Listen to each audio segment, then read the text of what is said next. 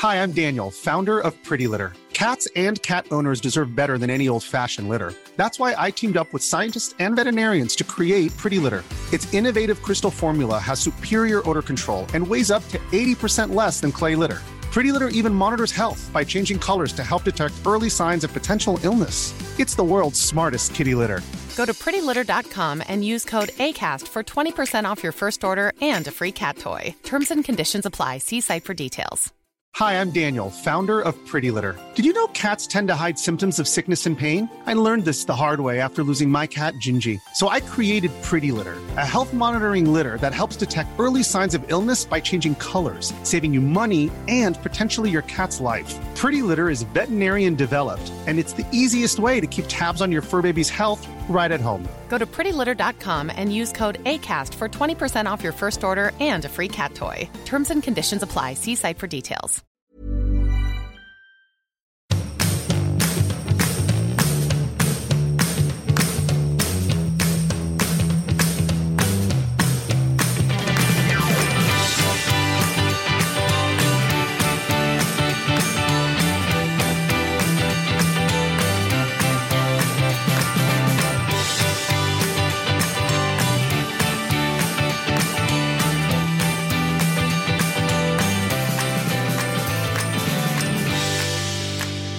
Oh my god.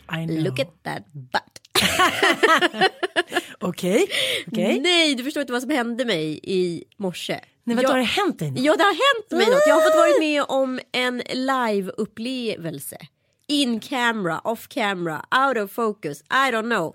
Det hände. Det inte får Oscars. hända. Det luktar Oscars. Exakt. Klockan 06.00 skulle jag på Aftonbladets streamade version utav Oscarsgalan. Eh, Ja, det är väl precis så mycket en version som helst. Men det var den streamade på Aftonbladet i alla fall med studiosnacket Wow. där.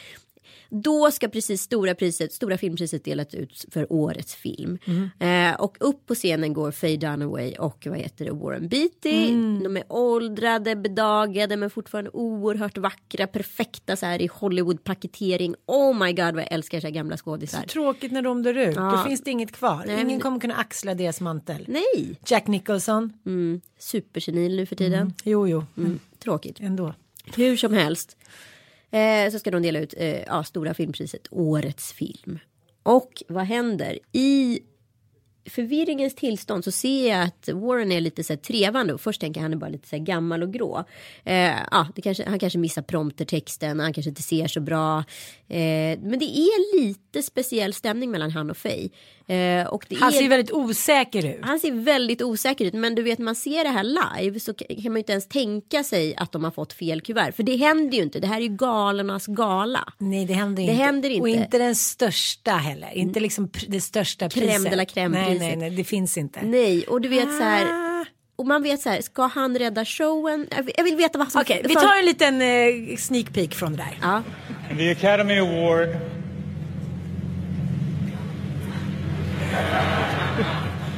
for Best Picture La La Land. och här undrar man ju, funderar han vid det här tillfället på, ska jag, så här, ska jag vara helt ärlig här? Är jag Mm. old fashion Hollywood style? Att vi bara liksom, the show must go on? Eller vad är det som händer i hans huvud? Du måste också tänka att man är live. Det är liksom årets största Ja, det är gala. två miljarder som sitter och Det det krävs här. ganska mycket cojones för att säga vänta här nu, something is wrong. Alltså man gör ju inte det även fast man instinktivt vet att det är så. Ja, och upp på scen kommer då La La Land med crew och eh, Damien Chazelle, regissören och producenten går fram och tackar, det gråts. Hela vad heter det, ensemblen kommer upp, det står väl 30 personer där på scenen. Det är deras livs lyckligaste ögonblick Ja, exakt. Och det kommer någon ta ifrån dem några minuter senare. Det är inte okej. Det, alltså du vet att få vara det här live. du Jag vet, kan bara jämföra med att man liksom får sin bebis och så kommer någon och säger nej det var inte din bebis. det var en annans bebis. Ja, och du fick var aldrig gravid. Det blev ingenting, det var bara en chimär, det var luft där inne. Det är fan samma jämförelse. Ja. Ah, men han gör det ju snyggt Ja, ändå. men Damien går fram och säger så här, "Ge- jag vill ge det här till mina kompisar som har gjort Moonlight. Jag är Mm. jätteglad för er skull. Alltså det, producenten är utom sig utav raseri. Det, upp, alltså publiken är i chocktillstånd. Ingen förstår ju vad som händer just nu. Folk tror att det är ett skämt. Det är Jimmy Kimmel som hostar showen också så han har en väldigt så här, komisk ton rakt igenom. Eh, men Moonlight kommer då upp på scenen samtidigt som, alltså du vet det är... Kunde ju lika gärna bli ett bråk. Du hade ju aldrig lämnat ifrån den. Nej, aldrig. i Nej, min, helvete. it's mine, it's mine. You Och sen hade du sprungit. Nej men du förstår så mycket känslor. Men då gör ju Warren Beatty som i faktiskt i första läget, så man, nu är man ju så upprörd. Nu är man så här fucking Warren Beatty som bara lät Faye Dunaway ta den här. Nu kommer alla hata Faye Dunaway och tycka att hon är en gaggig tant. Nej, då gör han så storstilat så han går fram old fashion Hollywood style och bara berättar exakt som det är. Det stod Emma Stone, La La Land. Eh, ja, jag är hemskt ledsen. Vi har fått fel lapp. Jag visste inte vad jag skulle göra. Men jag fattar inte riktigt. För att hon, hade, ju redan, ju hon hade ju redan fått sitt pris som bästa ja, skådespelerska. men den hade lagts tillbaka på samma Men ställe. Det ens möjligt? Vad är det för retard? Alltså jag fattar Nej, jag kan inte förstå. Vi kommer ju få liksom någon Ja, förklaring det eller stod ju inte. precis nyss på Aftonbladet vad som hade hänt. Vad hade hänt då? Nej men det är någon stackare som... De tar på sig missen. Vänta, ska vi läsa den bara? Så vi har Ja. Vi, tar, vi, vi steker det där. säger Revisorfirman, det har, gått no, det har gått långt ner i leden. Revisorfirman PVC tar på sig ansvaret för skandalen. Det betyder att liksom de facto inte att det var en revisor som satt där och knapprade. utan att det är no, nu har det gått långt ner i leden. Så jävla skandaligt har det varit alltså. Nej, men alltså hur svårt kan det vara? Nej men det är, jag kommer inte ihåg på Kristallen när det där hände. Och Let's Dance gick upp och skulle, tog emot pris. Och man tänker ju att det inte får ske. Och det händer men, inte. Nej men jag har ju eh, varit nominerad till två Kristallen. Ja. Och om, nu har jag inte vunnit någon gång men trott båda gångerna att jag ska vinna. men om jag hade gått upp då på scen och tagit det där priset. För att säga vad man vill. När man blir nominerad för någonting så är det så mycket större än vad man tror innan. Man säger så här, "Ja, men spelar roll. Men det är någon sån bekräftelse. Det är så få gånger i sitt liv som man får allt fokus på sig själv för någonting som man är stolt över. Ja. Eh, om då någon hade kommit upp till exempel om jag gjort förgävesdansen och tagit den ifrån mig. Nej men jag hade inte klarat det. Jag klarade ju inte av att inte vinna förra året. Så jag åkte ju hem. Jag gjorde en Jag Linda gjorde Linda. Lindorff. Nej men det var så mycket. Gick du ut och skrek? Du bara... "Ah!" Nej jag kunde bara liksom inte komma igång. Jag var bara så här, äh, jag åker hem liksom. Eh, och deppar. Men ja, strunt i det. Eh, nu har vi inte hunnit kolla någonting på kläderna. Eller har du gjort det? Jag kollar mycket, var väldigt mycket, måste säga att det är ett mellanår modemässigt. Vissa Ja. år är ju sådana där, typ var tredje, var fjärde år, då är det bara så här. eh. Ja, det var, det var väldigt mycket vitt. Eh, och det var väldigt mycket vitt eh, och svart. Alltså så här, svart nederdel, vit överdel. Fast det var en och samma dress. Mycket Mm. så upplever jag det. Säger hon som hade vit kostym på Ellegalan. Exakt, det, men det är ju ett Havanna-år. Ja, det, är ju ja, vitt. ja, det är ja. ett vitt år. Och det är ju liksom, ibland så flyger det, det beror på vilken årstid, vilken färg, alltså allting. Och ibland så funkar det inte alls. Och sen var det mycket så här helrött också. Men det har man ju känt. Ja, men det gillar man ju. Ja, det, men jag tänker på förra året när man Alicia Vikander måste ändå säga att hon är ett modegeni. Ja, fast inte i år. Nej, men inte förra året heller. Nej. Då kommer hon att se ut som eh, prinsessan i skönheten och odjur när hon kan göra så här vilket statement hon vill. Liksom hela världen ser henne. Så kommer någon gul bebisklänning. Jag blev faktiskt besviken. Ja, nej. Mm, mm, mm. Eller vad tyckte du? Nej, jag, jag, jag vet inte. Förra året var hon helt okej tycker jag. Men i år var det verkligen inte bra Vad hade hon på sig då? Hon hade en svart klänning från hennes sponsor Louis Vuitton. Mm, Eh, Men det var ingen bra passform på den till hennes kropp. Jag Nej. vet inte. Skitsamma. Skitsamma. Det kändes som det minst relevanta på årets gala om man säger så. Det känns som att det är någonting i det här glasrummet. Ja, men jag vet inte vad det är. Det är jättekonstig energi här inne. Det känns som vi så här, två katter som kommer hoppa på varandra. Ja, men typ. Vad är det för något? Nej men jag tycker... Ska jag få skit nu? Nej du ska inte få skit. Ja, men jag får ju alltid skit för att jag ger dig skit. Kanske på, på tiden. jag kastar skit tillbaka. Ja. Du kom sent idag. Nej, men det som händer tror jag är att man är någonstans i livet. Du är ju på en väldigt speciell plats. Mm. Eh, jag håller på att läsa en bok nu och där återkommer till det här hela tiden. Att så länge man är inne i en relation, så länge man gör karriär, så länge man lever i tvåsamhet. Man tar aldrig tid att känna in. Nej, man, Nej, man ser aldrig sig själv i vitögat. Det är bara så här. Det är ditt fel, det är dens fel, det är jobbets fel, det är barnens fel. Och sen så helt plötsligt Ja, så har man varannan vecka på sig. Alltså det är ganska läskigt. Ja men det är mycket tid att tänka och mycket Mm. tid att kontemplera. Och jag är ju fortfarande sån där som sitter på jobbet till liksom sju, halv åtta och så bara får panik och bara herregud jag måste ju planera efter jobbet också. Jag kan ju inte Ah. bara åka hem och sen så är ju alla redan uppbokade på sina middagar och grejer så jag måste verkligen bli bättre på att ta hand om mina singelperioder. Mm. För då, det slutar med att jag sitter på jobbet en halvtimme till och sen åker jag hem, käkar något framför tvn och somnar. Alltså så har det sett ut. Mm. Jag Men jag får alltid- mycket tid att tänka. Ja, jag vet. Och då tänker man så här. Gud, jag har inte tänkt på massor av år. För att det är som att man stänger av den virala delen av hjärnan när man lever i tvåsamhet. Och jag tänkte på det i helgen. Jag var så här, när jag pratade med dig och en annan kompis som är singel. Så här, vad ska ni göra, vad ska ni göra? Och jag tänkte så här, åh gud vad skönt att man slipper det där. Men å andra sidan så här, åh gud vilken dålig ursäkt för att slippa möta sig själv. Och så tänkte jag så här, nu jävlar, nu ska jag gå och köpa lite böcker och sen ska jag så här, möta mig själv. Trots att jag lever i tvåsamhet. Ja, nej men, och det där är så speciellt för att eh, du kan ju liksom pumpa i vilken energi som helst i en relation. genom att Du kan skaffa ett barn till, du kan köpa ett sommarhus, du kan bygga om i din lägenhet, du kan flytta. Alltså du kan ju så här köpa dig år på år på år för att slippa faktiskt konfronteras med dig själv i relation. Och det är egentligen faktiskt det enda man skulle behöva. Jag vet, men hur gör man då? då? Men jag har bara insett att så här, jag ser nu, alltså så här, skilsmässan är liksom ändå kvittot på relationen. Ja, Alltså det är då du kan göra bokslut, det är då du kan vad heter, checka av och checka ut. Och då måste du också så här, vi, våga visa dig svag för dig själv. Du kan ju, nu kan jag säga så här, han är dum i huvudet, han är dum i huvudet, han är si, han är så. Men man är också själv dum i huvudet, man är själv aset liksom. Jag har ju varit, jag är i en jätteproblematisk situation för att jag reagerar ofta när jag blir rädd eller ledsen eller stressad. Då reagerar jag med ilska.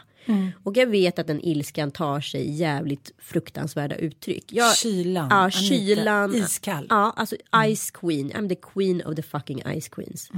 Eh, och den är, det är en fruktansvärt drag jag har. I vanliga fall när jag vet att så här, oj, nu kommer kylan. Nu kommer kylan. Då brukar jag lämna platsen. Alltså för att jag vet så här, om bara kylan får rinna av, då smälter jag och så kommer jag tillbaka och då kommer ur liksom mitt så här ilskskov eller vad jag ska kalla Men det kan för. du definiera vad som händer i din kropp Nej, när alltså det- isbitarna fryser till is? Ja, det det- måste ju vara rädsla. Ja, det är ju rädsla, absolut rädsla och då, då så vad heter det, då, du kan inte vinna över mig retoriskt då. Nej. Du kan inte vinna ett, en jävla poäng. Alltså sånt svin kan jag bli. Eh, och eh, Kalles stora rädsla det är ju liksom att någon drar. Förstår du? Ja. Att någon drar, att han blir lämnad. Så att så här, våra absoluta så här, egna barndomstrauman har ju absolut kolliderat i de här väldigt utsatta situationerna. Och där startar konflikten. Så, så här, och det måste jag konstatera, jag är ett jävla as när jag är sur.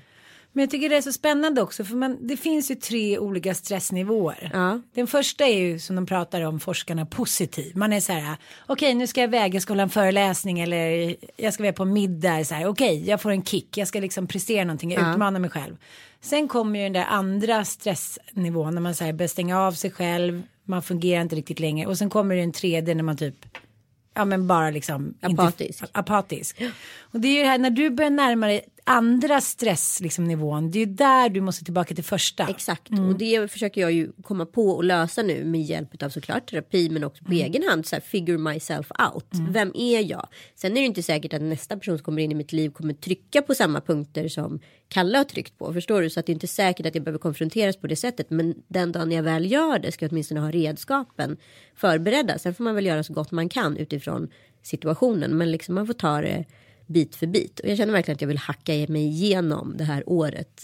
Liksom, och lära mig något av mig själv. För annars, vad fan är jag? Och liksom, det är så många som bara så här.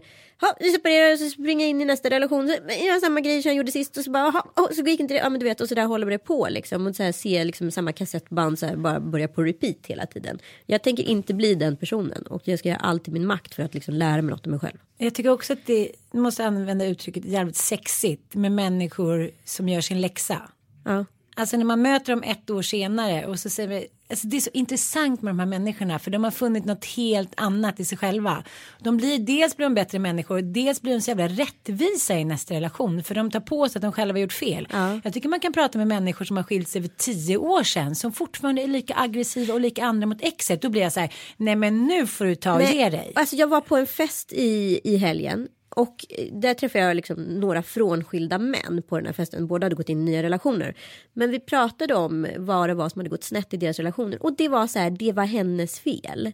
Aha. Ja men du vet, och jag var så här, det var ju för fan 15 år sedan ni separerade. Kan du inte ens liksom Nej, bekänna färg för i helvete liksom. Nej, Vad är det för jävla ont. Mm, oransakande as? Förlåt mig, nu säger jag att kvinnor också kan vara Absolut, oransakande as. Men jag blir så himla chockerad att det är så jävla läskigt att vara dålig. Mm. Varför är det så farligt?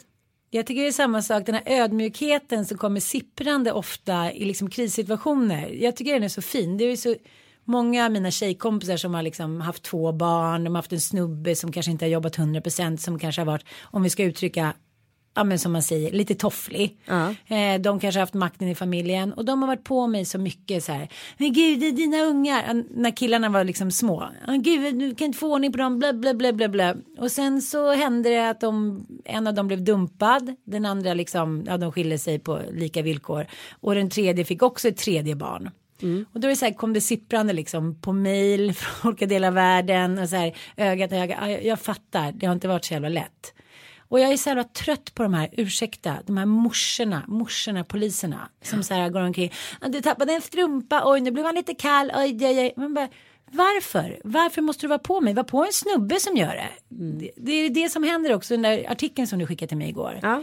Vi pratar ju mycket om det där och det är klart att det har funnits lite forskning men där var det ju verkligen svart på vitt. Eh, ja, vi, måste, vi måste credda de här forskarna. Eh, forskarna Johanna Rickne och Olle Folke har ju eh, forskat kring det här. Vad som händer med kvinnor som blir befordrade. Precis. Johanna är nationalekonom och Olle är verksam vid statsvetenskapliga institutionen i Uppsala. Men du och jag har ju känt av det där. Det finns ju massa olika scenarion. Antingen så kan det vara så att man är två stycken par som lever ganska jämlikt, drar in ungefär lika mycket stolares. Sen ändras det här att kjoltyget går om och Exakt. börjar tjäna mer pengar. Inom tre år, 15 procent av de här paren skilda. Ja, Det var väl ännu mer till och med. Ja, det var, väl- ja, det var ju typ det som var den största indikationen på skilsmässa. Men sen var det ju också det här äh, att eh, åldersskillnaden. Lyssna på det här nu kvinnor. På riktigt. Ja, om ni gifter er eller gängar er med äldre män, då är risken större att ni skiljer er. För grejen är att äldre män vill att det ska finnas en viss familjebild. Sen kommer du gå om den här mannen eftersom han är äldre och kommer tackla av. Och då kommer balansen i familjen, för då kommer inte han vara hövdingen längre. Då skiljer ni er. Eh, Så ser det konkret ut. Eh, Och ojämställda skilsmässoeffekterna märks inte för kvinnor som får toppositioner om de lever i jämställda förhållanden. Vad som gäller åldersskillnaden och har delat hyfsat lika på föräldraledigheten. Men det var också väldigt intressant att de hade eh, i studien så var kvinnor med som var påtalade för till exempel eh, en befordran. Och där hade de kollat de kvinnorna som hade fått befordran och de som inte hade gjort det. Och tre år senare så hade de som inte fått befordran då var det bara någon procent som hade skilt sig. Och de som hade fått befordran var mellan 15 och 17 procent som hade skilt sig. Det är helt sjukt. Och det som är liksom resultatet av forskningen säger både Johanna och Olle så här. Ur det individuella perspektiv finns det nödvändigtvis inget negativt för kvinnan med skilsmässan. Däremot så finns det saker som tyder på att det kan gynna henne karriärsmässigt. Det som är tråkigt är för samhällsekonomin att de flesta väljer att leva i relationer som premierar mannens karriär. Jag vet, jag blir äcklad. Ursäkta uttrycket, det är 2017. Tänker vänster på det här när vi sitter i de här relationerna? Nej men det är det som är så sjukt att vi inte tänker på. Därför kan man ju inte prata nog om det här i den här podcasten där vi faktiskt har det här utrymmet. Ska vi prata om det här nu? Lyssna nu. Det det här kan låta helt stört. Alltså jag vet inte, jag läste Galias döttrar när jag liksom pluggade på gymnasiet och sådär. Men så det finns ändå någonting i den där texten som är jävligt intressant. Och likadant i Orlando utav, vad heter det, Virginia Woolf där. En man är en man som sen blir en kvinna och får uppleva världen ur en kvinnas perspektiv. Alltså det, det här är ju en problematik. Jag tror på fullast allvar inte att vi kommer uppleva absolut jämställdhet förrän vi börjar fostra tjejer att de är superior. Att de är det starkaste könet. Tjejer är Tjejer är bäst. Därför att lär sig killar att tjejer är bäst då kommer en förflyttning ske i samhället. Och den förflyttningen är så jävla nödvändig för oss. Jag tror på fullaste allvar att vi inte kommer komma till liksom ordning med den här jämställdhetsfrågan förrän föräldrapenningen är 50-50. Och däremellan ska det finnas ett jättestort rotavdrag så vi kan ta in hjälp för att tillämpa det här på oss. I pensionssystemet är det så att kvinnor får bara ut 67 procent utav det männen får ut. Och det kvinnor inte vet är att hur, så länge vi är föräldralediga då försvinner våran pension. Då får inte vi det. Och för varje gång vi vabbar och för varje gång vi jobbar deltid då försvinner våran pension. Vi vet inte heller att vi kan ta ut 2,3 procent tror jag utav männens pension under den här tiden för att vi inte ska bli av med det själva. Men jag säger så här, den gång om jag kommer skaffa ett barn till då kan jag säga så här, vet du vad? Jag kan vara hemma med barnet på heltid i ett års tid. Om du i utbyte tar all vab, för då är det jämställt. Men kvinnor är till 75 procent alltid mycket mer hemma än män. det blev ju sådana rubriker när Sanna sa att hon ville ha, Sanna Lundell, ursäkta, att hon ville ha en miljon av Micke om hon skulle skaffa sig till barn. Det är helt korrekt. Men det låter som att det är sådana svindlande summor. Men om du också lägger till att vi har 13 procent lägre lön i genomsnitt. Då förstår du att det här är helt jävla förödande när vi blir pensionärer. Då sitter vi där och är fattiga kvinnor. Ja, men du kanske får din äh, liksom, stora tjänstepension och så tänker du så här oj oj oj jag har ju en miljon när jag blir pensionär. Ja men tar du bort 33 procent skatt på den. Och så delar du upp den på 20 år. Och sen så delar du upp den på 12 månader. Ah, det blev ju knappt 10 000 i månaden. Jo men också tänk så här att när man tittar nu på eh, åldersstatistik så kommer du och jag kommer kanske bli över 100 år om vi har lite tur. Om vi då blir pensionärer när vi är 67, fattar du hur många år det är som vi ska så här, digga på de där pengarna? Precis. Jag bara säger så här, vänta inte med det här. Jag har vissa kompisar som säger så här, men jag kommer få lite pengar av mina föräldrar, jag kommer hit och dit. Det räcker inte. Det räcker Nej, inte, man måste nu. spara själv. Hör ni det? Och jag Riktigt. tycker att jag sparar så att jag tog i så jag sprack. Och då, alltså inte sprack så. Och då säger min eh, gubbe på Swedbank där att så här. Ja, ja, okej, ja, det här tycker jag är lite i minsta laget. Men okej, det får duga så länge. Jag bara, va? Jag känner mig för fan som liksom the queen Billion of Saba. baby. Så att, eh, tänk på det där att så här, vabba inte loss bara utav eh, liksom för att du ska vara en skön mamma eller skön tjej. Och jag har liksom inte tänkt på det här faktiskt förrän bara senaste åren. Jag bara okej, men han verkar inte tycka att det var så kul att vara pappaledig då. Eh, Lex mitt, mitt ex. Ja men då gör jag det för att jag vill vara schysst. Sluta vara schysst. Och jag säger så här, blir det så att du måste skilja dig eller separera en gång för att få ett jämlikt förhållande. Det finns inget annat sätt att göra det på. Nej. Alltså det, liksom, det kan inte finnas någon annan utveckling än jämlikhet. Liksom, då, måste världen, då kommer världen gå under. Men det är därför hela Trump-grejen är, känns som så här. Det var två steg fram och nu blev det liksom tre bak helt plötsligt. Jag tycker det är så himla roligt. Jag lyssnar ju lite på eh, religionspoddar. Ja. Mm, och så, eh, Alltså jag tror inte du lyssnar på podcast överhuvudtaget. Eller säger du bara att du har läst om en podcast nu? nej, Fast du, har ju inte, har inte lyssnat på någon jag lyssnar, religionspodd. igår gick jag upp tidigt. Eh, Va? Jag vaknade av lite ångest. Nej men jag sov väl inte så tidigt så gick jag ut och gick. Och jag lyssnar ju på den här podden Myter och Mysterier. Får du ens på en podd? Vad säger du? Får du ens på en podcast? nu är det elak. Jag hade fått en skickad till mig. Ja, då lyssnar jag på den. Och jag, jag måste bara ta det här, det här är så jävla intressant. ja. Eh, då pratar eh, de här männen i den här podcasten, jag kan inte gå in så himla djupt på det, men eh, det handlar om gudinnor. Att från början i världen så var ju gudinnor, vi var jämlika. Gick du in till exempel i Egypten i en kyrka eller ett tempel, gick du in i Indien, då var det alltid 50-50. 50 procent eh, gudinnor och 50 procent eh, gudar. Och sen sakta men säkert så har liksom de plockats bort lite hemligt för att vi kvinnor inte ska bli för starka. Och då tänker jag så här, den passiva rollen är att, ja men idén är att Gud skapade Adam så av sitt eget revben och sen blev han uttråkad, då skapade han Eva av Adam. Precis. Men sen så tycker jag, du vet ju Lilith. Mm. Lilith. Lilith. Jag tänker alltid på dig när jag hör om henne. Alltså. Nej, men på ett bra sätt. Hon var ju en fria systern. Ja men hon var... Som ville knulla med demoner. Ja men jag vet, men det är ju, alltså, det är ju den judiska tron liksom. Men hon, eh, hon, hon var ju liksom, hon var ju inte skapt av Adam, hon var ju självständig. Exakt. Ja och då lackade hon ur, hon tröttnade liksom på, eh, på Adam för att hon, Hon vägrade. lackar på Eva egentligen. Nej men hon vägrade ju att ligga underst när de skulle ligga.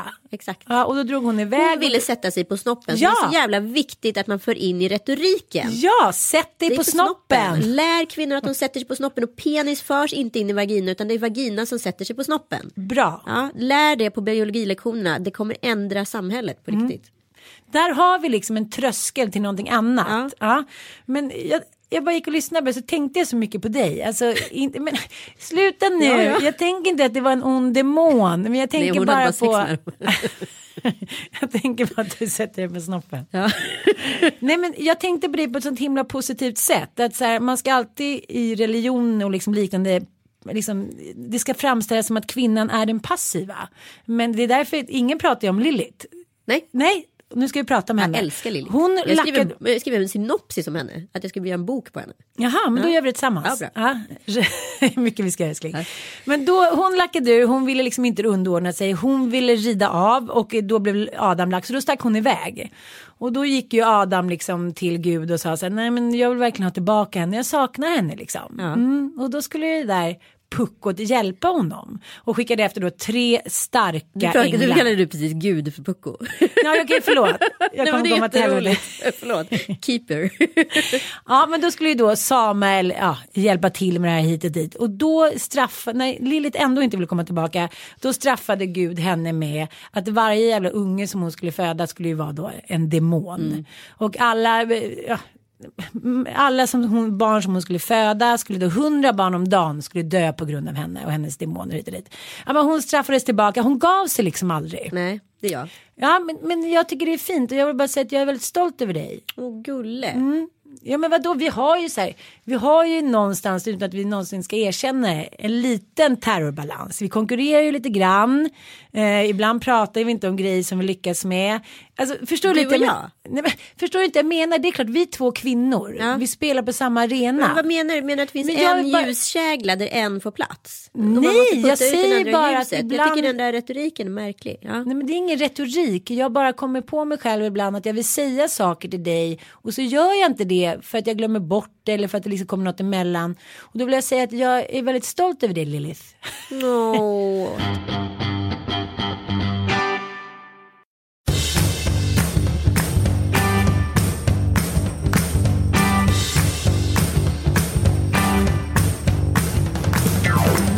Ja men jag tycker det där är spännande just det där att man måste, man måste liksom vara beredd hela tiden. Man, måste, här, man måste ha ögon i ryggen. För om männen kan, Ja, då kan vi. ja, då plockar de bort, bort, då plockar de bort gudinnorna i kyrkan. Ja men för det där är ju också ett problem. För man pratar liksom om kvotering i styrelser. Det är så viktigt att få in kvinnor. Men om, om man liksom så börjar värdera det begreppet vad det faktiskt innebär. Om du nu liksom blir, sitter på någon, någon jättefin yrkesposition och är jättebegåvad. Och därför att du förtjänar det och så vidare. Då vill någon eh, styrelse med någon massa fina människor eh, liksom uppvakta dig. Och sätta dig i sin styrelse för att du ska få en, bli inkvoterad där. För att deras statistik ska se bra ut. Sen får du en marionett marionettdockefunktion i den styrelsen. Allt du säger och gör det röstas ner. För att du är egentligen bara till för att de ska se smartare och bättre ut. Då är ju inte den kvoteringen positiv. Så vi måste verkligen ifrågasätta det där med liksom, styrelsekvotering. Det kan inte bara vara så här att ah, vi ska ha, men som så här, Arbetsförmedlingen många gånger agerar här, vi ska ha en, eh, no, vi har en nollvision när det kommer till arbetslöshet. Ja men då kan du inte sätta en överläkare på ett, på ett vad heter det, eh, städjobb. Kommer det, vad heter det, påverka andra instanser i samhället som kommer få ta ansvar för den. Eh, Precis. ja, och då är ju samma sak med liksom en så styrelse. Varför ska man, då måste man ju se till att kvinnan faktiskt har en röst. Och ska det liksom ske på ett sånt tematiskt sätt. Utan ska inte det ske utan liksom ren begåvning. Så det är, jag är jävligt dubbel till det. Det är klart att jag är pro-kvotering. Men jag är jävligt negativ till ifall det bara är marionettpositioner. Sen måste jag säga så här, jag har aldrig kunnat vara tillsammans med någon som inte är generös. Det, liksom, det lirar inte med mig. Jag kan, inte, jag kan liksom inte riktigt älska en sån person hela vägen. Nej. Eh, jag har haft en snål kille, det tog slut. Eh, sen menar jag inte att man ska vara dum, alltså man ska inte vara dum eh, generös, att vi delar på allt och bla bla bla. Men jag tänker ändå så här, om det kniper så måste man hjälpas åt, annars tycker inte jag att det är riktig kärlek. Nej. Jag har en kompis som var föräldraledig och tog ut all föräldraledighet. Och hennes kille åkte iväg på semester för hon hade inte råd att följa med. Det är roligt. Jag också vet också ett par där han alltid åker business och hon får sitta i coach. Nej, Jo. nej. Jo. Men vad tänker han när han sitter där med sin virrepinne och hans typ, vadå, tjänarinna sitter i ekonomi då eller? Nej men då, då har man nog ett ganska speciellt seende runt ekonomi. Att så här, mitt är mitt och ditt är ditt. Du förtjänar, jag förtjänar inte. Eller och så vidare. Och jag också säger, tycker också det finns en intressant acceptans av den här personen som sätter sig då frivilligt i coach. Jag kommer aldrig sätta mig i coach för att någon säger till mig att sätta mig i coach. Den ska fan med förhandlas Nej. till sista jävla. Antingen åker vi båda coach eller så åker vi båda business. Absolut. En för alla, alla för Ja, en. faktiskt. Det tror jag är det, så måste man tänka. Ja. Och så måste man också tänka med barnen tycker jag. Ja men också så här, fan du ska lära dina söner att så här, tjejer är bäst. Mm. Och varför är de bäst? Jo du kan kolla på sin egen mamma. Så kommer de förstå det. Men alltså, jag måste bara säga, min älskade 14-åring. Nu kommer han bli tokig, men jag måste faktiskt läsa upp ett sms som han skickade till mig om dagen. Får jag det? Gör det. Jag känner så här, det kanske inte varit lätt alla gånger. Det är ganska tufft med killar. De är liksom, oh, jag vill inte gå in på biologi, men de är ju på något sätt större i alla fall. kräver mer mat, kräver mer liksom kanske rörlighet. Det kanske också kommer jämkas ut om en miljon år, men nu är det de facto så. Och jag står ju här som en bärare av att se det. Eh, men nu känner jag så här, nu står jag där med mitt crew. Och eh, jag vet inte. Vet du vad han skrev häromdagen? Nej, vad skrev han? Jag skrev så här. Jag är så otroligt stolt över dig och liksom bla bla bla. Men ska, ska, ska jag läsa vad jag skrev? Ja. Jag älskar dig varje sekund. Ska jag. Vi skriver väldigt mycket kärleks liksom, sms till varandra. Jag är så otroligt stolt över dig efter de senaste månadernas kämpande i skolan och utanför. Du kommer klara dig så bra i livet. Du är en oslipad diamant. Eh, tänk att du alltid Tänk att du alltid följer ditt hjärta först och främst utan att trampa på någon annans, skriver jag till honom. Då skrev han så här. Då, ska, då svarar han så här. Älskar dig mest också, hjärta, hjärta, hjärta, hjärta. Stolt över dig med stora bokstäver. Fem barn, utropstecken, utropstecken. Två nyfödda och ändå är du så stark mamma. Och så två hjärtan. Var inte det lite fint? Men jättefint. Nu sitter här med tårar i ögonen igen. Ja, men då känner jag ändå någonstans att jag har lyckats. Förstår jag menar? Ja. ja, men då känns det ändå värt. Det var då som att inte skulle kännas värt det.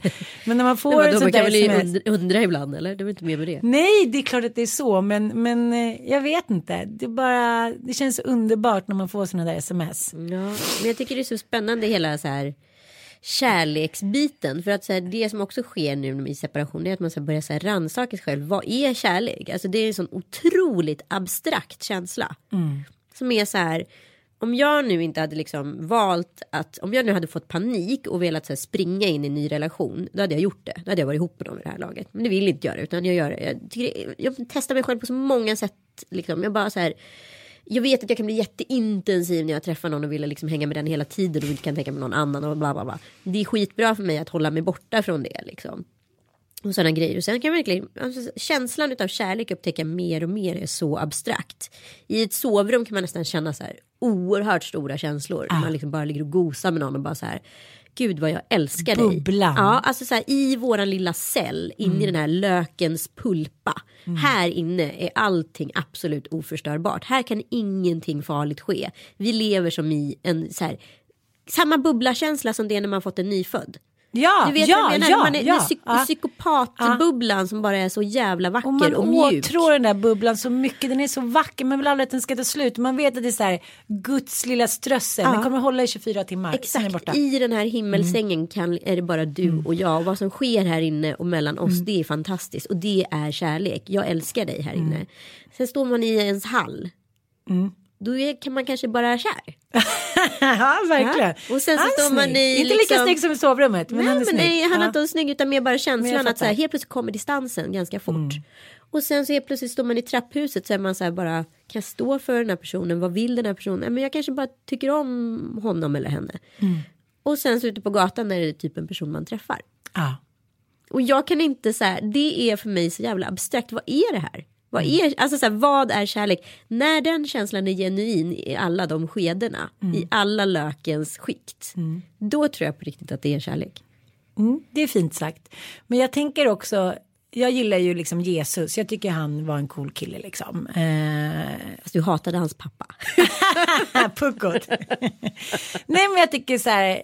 Ju mer liksom, även om världen är sekulariserad och allting liksom just nu känns lite mörkare och kallare så är det så här. När man går tillbaka till Jesus så finns det ändå någonting fint. Han var heller ingen mes. Han stod inte för kärnfamiljen. Han var så här, men lämna allt om det inte är bra. Och så här, gå vidare i livet. Så här, sök lyckan, sök det som liksom, ja, som du tycker är vackert och som du tror på.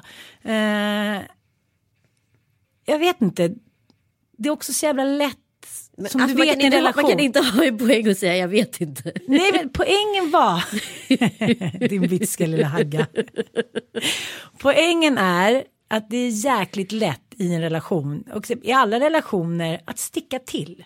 Du vet att man inte så här, man tänker inte på det med kärlek. Det är som Mattias sa till mig just för den här rumskänslan. Han bara i köket kan du titta på mig så att jag blir rädd. Du är så arg. Du är så här, jag kan inte vinna över dig. Din retorik, det är så här, det går inte. Du är som ett block. Och så kommer vi in i sovrummet och barnen är här och så tittar du på mig så som du gjorde första gången vi träffades. Och då blir jag så här, gud, där är min, liksom där är min kvinna på något sätt. Jag är så här, vad menar du? Fast jag vet ju precis vad han menar. I skydd av köket, då är jag så här, maktfullkomlig. Han ska inte liksom nå mig alls. Det är jag som har rätt, det är jag som har rätt. Sen är liksom i pulpens bubbla, eller vad du kallar det för. Larven. Lökens pulpa. Ja, lö, lökens pulpa. Det är kanske är din sexnovell, Lökens pulpa. Gud vilket snuskigt ord. Ja fortsätt. En lök i leven. Eh, då blir man liksom någon annan. Och då tänker jag så här, om jag bestämmer mig att hela dagen istället så här, tänka bara på att jag ska vara Jesus, så här, bara öppna armar, öppna armar, kärlek, tänka på kärleksbudskapet. Då blir det jäkligt mycket enklare. Ja. Så är det bara. Så är det bara. Men och då undrar jag liksom. Men det handlar ju inte bara om. Det handlar ju absolut att man måste släppa den spärren själv. Men det handlar ju också om personer man träffar. Alltså att så här. Ju, ju snålare man är mot varandra med känslor. Ju mindre bitar får man ju av den andra. Men jag vet inte. Och Jag, människor kan gå runt en hel relation och snåla på känslor. Jag har en kompis som så här eh, ny, relativt nyförälskad i sin kille och de har träffats i ett par månader och så hade han sagt så här, "Ja, men jag älskar dig till henne och vilken otrolig barriär det här var för henne. För hon bara, så, jag kan inte säga det på det sättet, jag kan inte göra så på det här sättet då. Men, så, men varför säger du inte bara jag älskar dig? för hon kände att hon För gjorde hon det. gör ju det. Jaha, men du okej, vet okej, att. Mm. tröskeln var så otroligt hög. Det är det jag menar, det är liksom det lättaste ordet och det absolut svåraste ordet. Mm. Men det är ungefär som du och jag pratade om förra eh, podden att så här, den sekunden när man inser att man är inte längre fri som fågeln. Man, så här, man vill inte förlora den där personen. Nej. Den är så episk och total och man säger nej, ja, nej, ja, nej, ja. För när man släpper taget, det finns ingen bättre känsla. Det, det Men finns är ingen bättre känsla, den är skitläskig. Ja. Skitläskig. Men det är också som i, i, en, i en separation i konflikt. Det är ju så mycket lättare någonstans att göra sig bekväm med fienden i den andra än att se liksom, Den, den personen man en gång älskat. För den, den känslan är ju så otroligt mycket mer smärtsam på något sätt. Och jag upplever det som nästan som så här man har liksom en, en så historia utav vackra minnen tillsammans och roliga minnen och allt vad det är och barn och liksom allting. Och det känns som den här vargen eller vad ska jag kalla det för i, i oändliga historien, det här ingentinget som åt upp Fantasia så det bara liksom blir svart. Ja men du förstår. Sagopodden. Ja, men du, så det bara blev svart. Alltså det är så det känns. Alltså, så varje bråk kan liksom orsaka att en stor bit av Fantasia faktiskt försvinner.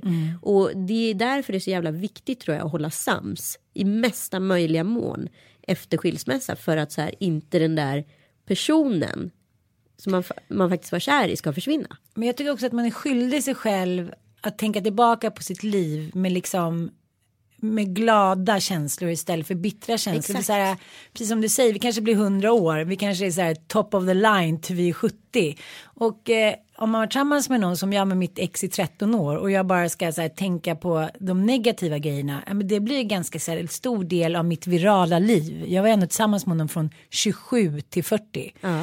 Eh, men nu kan jag känna, nu var det fyra år sedan drygt som vi separerade.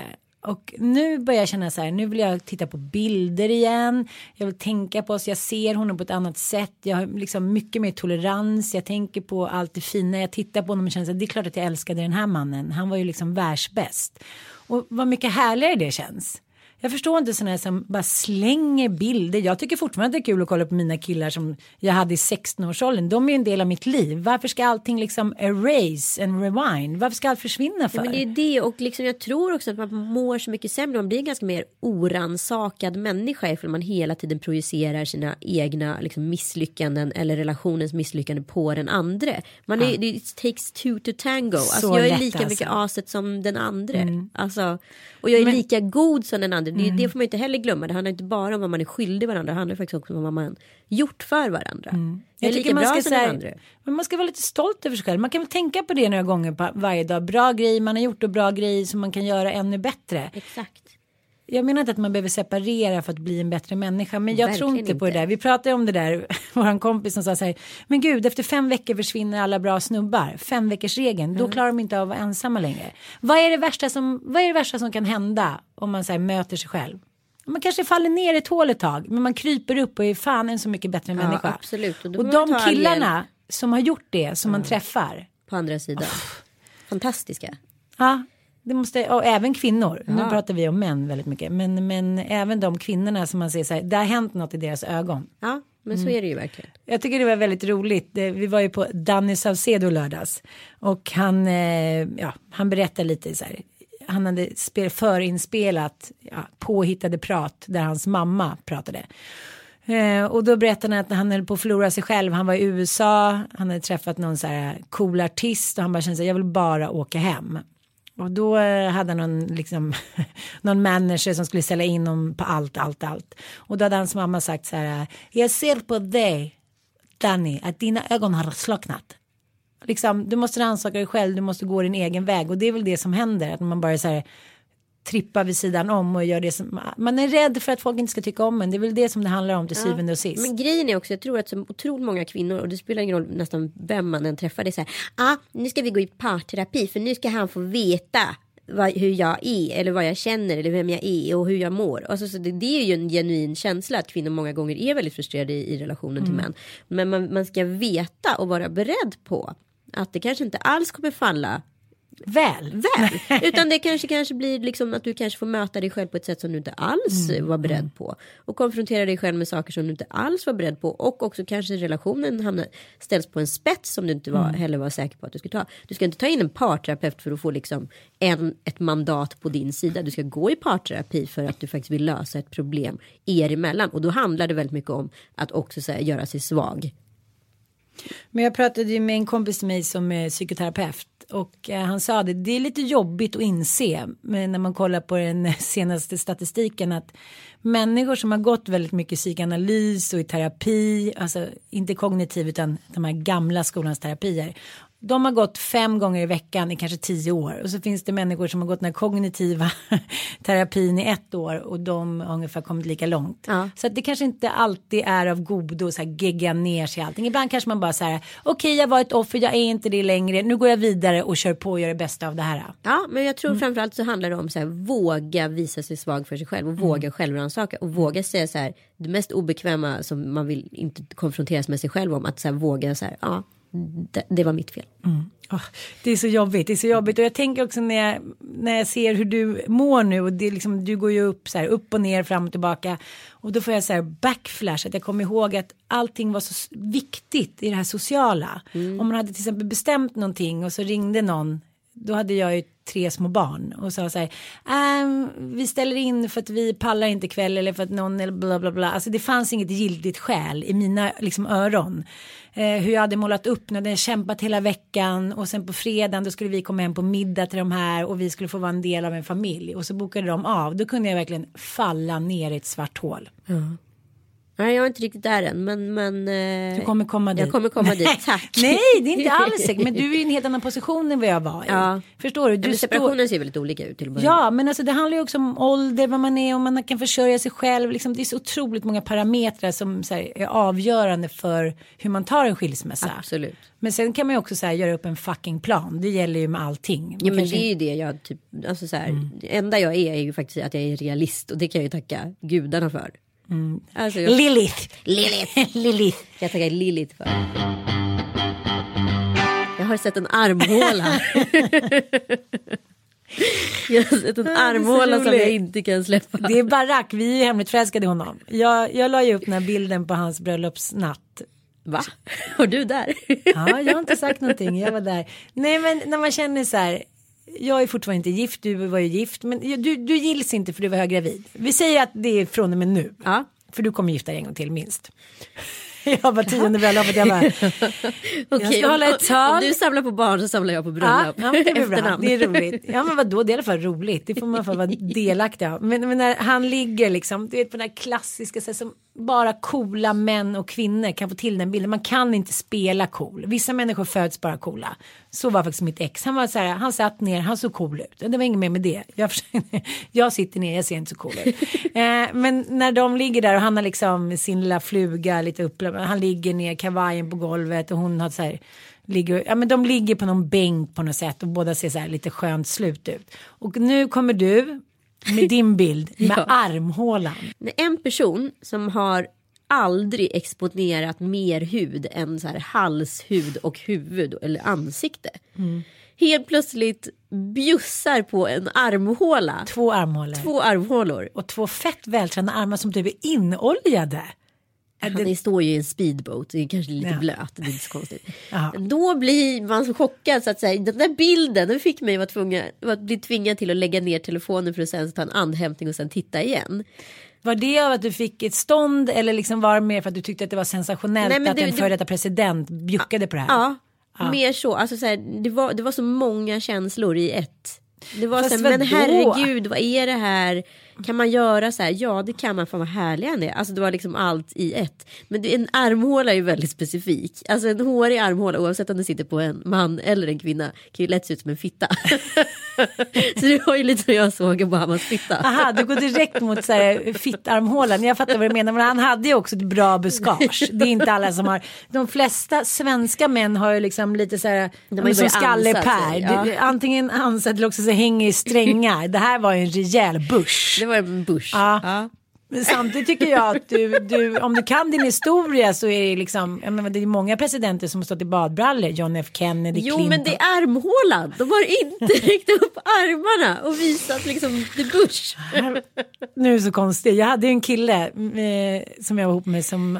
Men jag undrar också de här som har rakt Han hår. blev är det för att sexuellt det besatt är... av armhålor. Nej. Jo, han höll, skulle, i början fattade jag inte vad han på, han skulle lite kliddra i min armhåla. I början när man är tillsammans då är man så lite stressad hela tiden. Så man är så Jag lite verkligen inte att någon är där inne och kliddrar. Han bara... Ja. Men ja, det är ett erotiskt område. Ja men absolut, men det är ju, alltså ja, jag vet inte Men du tänker hela tiden på att du ser en fitta fast det är Obamas armhåla.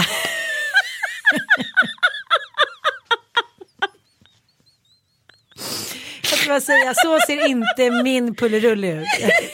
Men det kanske din gör. Not anymore. Åh herregud, Åh, herregud, jag orkar inte med det här.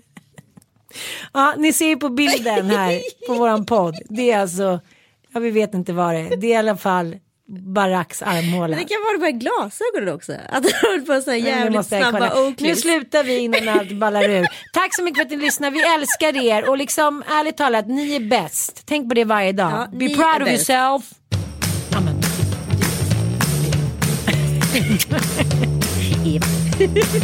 Nej, du har väl inte med Eva? Du får vara Eva då.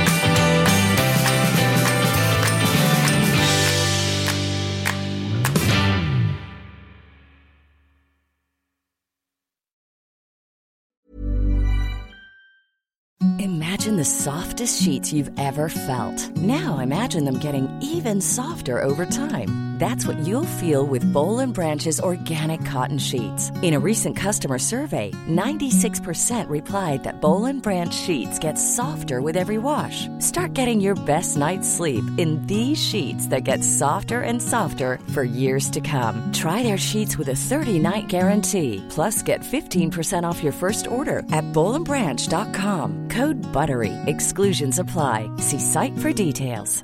Imagine the softest sheets you've ever felt. Now imagine them getting even softer over time. That's what you'll feel with Bowl and Branch's organic cotton sheets. In a recent customer survey, 96% replied that Bowl and Branch sheets get softer with every wash. Start getting your best night's sleep in these sheets that get softer and softer for years to come. Try their sheets with a 30-night guarantee. Plus, get 15% off your first order at bowlandbranch.com. Code BUTTERY. Exclusions apply. See site for details.